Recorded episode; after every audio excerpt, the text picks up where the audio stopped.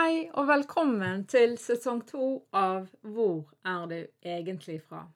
En podkast dedikert til å fremme kulturell mangfold og inkludering. I denne sesongen fortsetter jeg å utforske kulturelle identiteter og historier fra ulike perspektiver. Men vi skal også høre fra gjester som har unike erfaringer med vårt mangfoldige samfunn.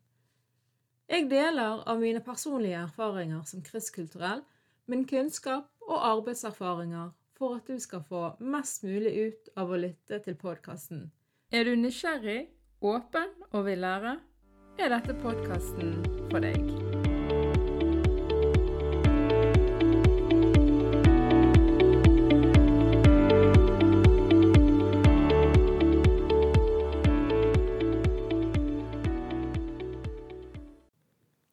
Hei, alle sammen, og hjertelig velkommen til en ny episode av Hvor er du egentlig fra? Jeg håper du har det bra denne sommeren, selv hvis du er i regntunge Bergen. Og jeg vil egentlig først bare begynne med å takke alle som sender meg tilbakemeldinger om podkasten og andre ting som jeg gjør. Jeg blir veldig glad for det. Eh, takk til deg, Birte, som heier på meg og skriver at podkasten får seks stjerner og er absolutt verdt å lytte til. Takk til deg, Khalil, som sier at jeg gjør et veldig viktig arbeid. Og takk til deg, Mia, som sier at du alltid er klar for en ny episode. Og takk til alle dere andre som òg har kommet med tilbakemeldinger. Dette var bare noen utvalgte eh, kommentarer som jeg har fått, som jeg hadde lyst til å dele med dere. Og jeg setter altså så stor pris på disse meldingene. Og dere må veldig gjerne melde dere eh, på nyhetsbrevet mitt, så blir dere bedre og mer kjent med meg, min krysskultur, og tips til hvordan dere kan være med på å fremme kulturell mangfold og inkludering. Jeg legger en lenke til eh, til nettsiden der du kan melde deg på nyhetsbrevet mitt i episodebeskrivelsen. Og så finner dere òg samme lenke i bioen på Instagram. Ok. I dagens episode så tar jeg opp den såkalte håndhilsesaken som oppsto i Oslo rett før skoleferien startet, og jeg vil reflektere litt over både situasjonen, men òg den debatten som denne eh, hendelsen har skapt. I vårt samfunn så er håndhilsing ofte ansett som en symbolsk eh, gest som representerer eh, respekt, høflighet og åpenhet. Det er en utveksling av vennlighet og velvilje som knytter oss sammen som mennesker.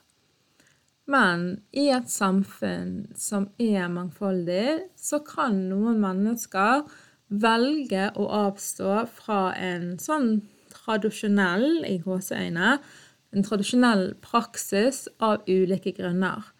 Dette kan være basert på personlige eh, preferanser, religiøse eller kulturelle overbevisninger eller det kan være av hensyn til hygiene og smittevern. Så når vi står overfor noen som ikke har lyst til å håndhilse, så kan det utfordre noen normer som vi har etablert, og verdier som vi har. Og vi kan bli usikre og forvirret, og kanskje kan vi til og med bli fornærmet. Og det kan føles som om vår måte å hilse på er den eneste riktige, og at alle andre eh, måter er feil. Men denne tankemåten kan skape en negativ spiral av fordommer og stereotypier.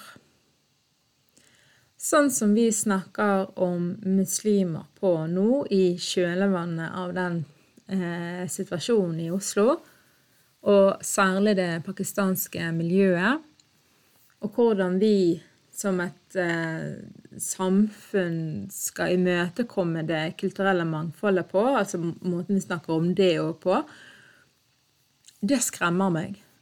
Retorikken, altså måten vi snakker på, det minner om en tid der personer fra andre kulturelle miljøer ble tvunget til å innrette seg etter det som det norske samfunnet mente var riktig. Det som skjer nå, det syns jeg minner om et tidligere krav som det norske samfunnet hadde til vår eh, urbefolkning og til landets nasjonale minoriteter om å gi avkall, om å gi opp deres identitet for å bli gode nordmenn som er aksepterte. Det er viktig å erkjenne at mangfoldet i samfunnet vårt det gjenspeiler ulike livssyn, kulturer og verdier. Og ved å ikke håndhilse, så kan det være at det er noen som prøver å opprettholde deres egen identitet og verdighet. Og det er ikke nødvendigvis et angrep på vår egen måte å hilse på, men det er heller et uttrykk for individuell frihet og respekt for mangfold. Og hvorfor er religionsfrihet og personlig frihet tillatt og en demokratisk norsk verdi for de få, men ikke for alle? For det denne debatten har vist, det er at personlig frihet og religionsfrihet, det gjelder ikke for alle sammen. Det er greit at man syns det er rart å ikke håndhilse, men folkens, det er ingen universell regel, lov eller skikk som sier at alle mennesker skal og må håndhilse. Dessuten så vil folk i et samfunn ha ulike måter å leve et liv på. Vi er faktisk ikke identiske, og det har vi aldri vært, og det kommer vi aldri til å bli.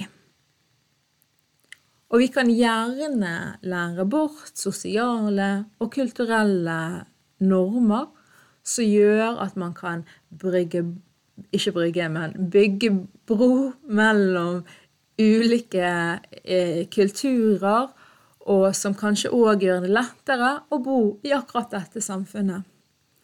Men det er ikke greit eller riktig å kreve at alle skal håndhilse. Og det er heller ikke riktig å likestille håndhilsing med å være norsk. For plutselig er nemlig det å håndhilse blitt selve symbolet på om du er norsk eller ikke. Det må være lov å ikke strekke ut en hånd uten at det betyr at du ikke er norsk eller at du ikke hører til her, eller at du ikke er integrert, eller at du ikke har demokratiske, gode verdier i deg. For det er akkurat det debatten har begynt å handle om, nemlig hvor norsk og hvor integrert man egentlig er når man ikke håndhilser. Og la oss heller ikke glemme at i den konkrete håndhilsesituasjonen, da, så var dette tre unge gutter som gjør noe med en intensjon som vi ikke vet så veldig mye om. Og det kan godt være at de gjør dette for pure F, for de er tross alt ungdommer. Det kan være at de drar en spøk uten at vi vet noen ting om det. Og det kan godt være at det er en del av deres utforsking av deres identitet. Hvem er det de vil være? Uansett. Så det de ikke trenger, det er et samfunn som forteller dem at det ikke er rom for de her. Som forteller dem at de ikke hører til her fordi at de ikke vil håndhilse. Og det samme gjelder jo disse gutta boys som òg da satt i salen og ropte ut 'haram'. Igjen, vi vet ikke hele konteksten rundt det. Og det kan godt være at de satt der og hadde en, dro en spøk seg imellom. Akkurat sånn som jeg gjør med mine venninner når vi sitter rundt eh, et eh, middagsbord, og det står bacondødler på bordet, og jeg begynner å snakke om at det her er haram.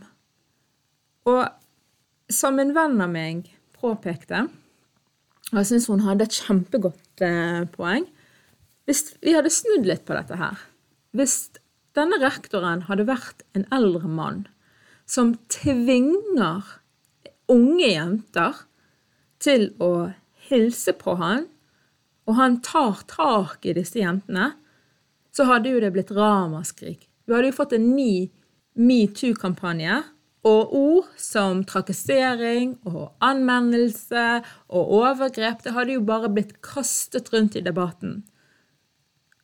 Så det her er egentlig, denne episoden, er en ganske god, eller et godt eksempel på hvordan hudfarge og kjønn påvirker hvordan vi tenker, og hvordan vi tolker situasjoner. Så folkens, La oss huske at selv om vi har forskjellige måter å uttrykke respekt på, så er det viktig å behandle hverandre med verdighet og forståelse. Og når vi er åpne for ulike perspektiver, og vi utfordrer våre egne fordommer, så kan vi bidra til å bygge broer mellom mennesker og skape et samfunn som verdsetter og feirer mangfoldet. Jeg spør dere, hvorfor er det å strekke ut en hånd et tegn på respekt, men ikke det å ta hånden over hjertet? Hvem er det som bestemmer at det ene er respektfullt og høflig, og det andre er respektløst og uhøflig? Hvorfor skal noen få lov til å ha definisjonsmakt, og andre skal ikke få lov til å ha det. Og nok et spørsmål hvem er det i Norge som sitter med makten til å definere hva som er rett, riktig, godt og bra, og hvem er det som mangler den makten der? Det er òg viktig å anerkjenne at det å høre til Norge, det er ikke ensbetydende med assimilasjon. Altså at man skal skli helt inn og oppføre seg helt likt med resten av befolkningen. Det går an å feire egne kulturelle røtter samtidig som vi åpner oss for nye perspektiver det å være norsk, det handler ikke om å undertrykke eller gi opp sin egen kulturelle identitet. Men det handler om å inkludere og respektere mangfoldet som fins i samfunnet vårt. Så ved å åpne tankene våre og være villige til å forstå andres perspektiver, så kan vi unngå å dømme andre basert på deres valg om å håndhilse. Det er viktig å huske på at respekt og toleranse er faktisk helt fundamentale verdier i et mangfoldig samfunn. Og vi er nødt til å være villige til å lære og endre våre holdninger og fordommer.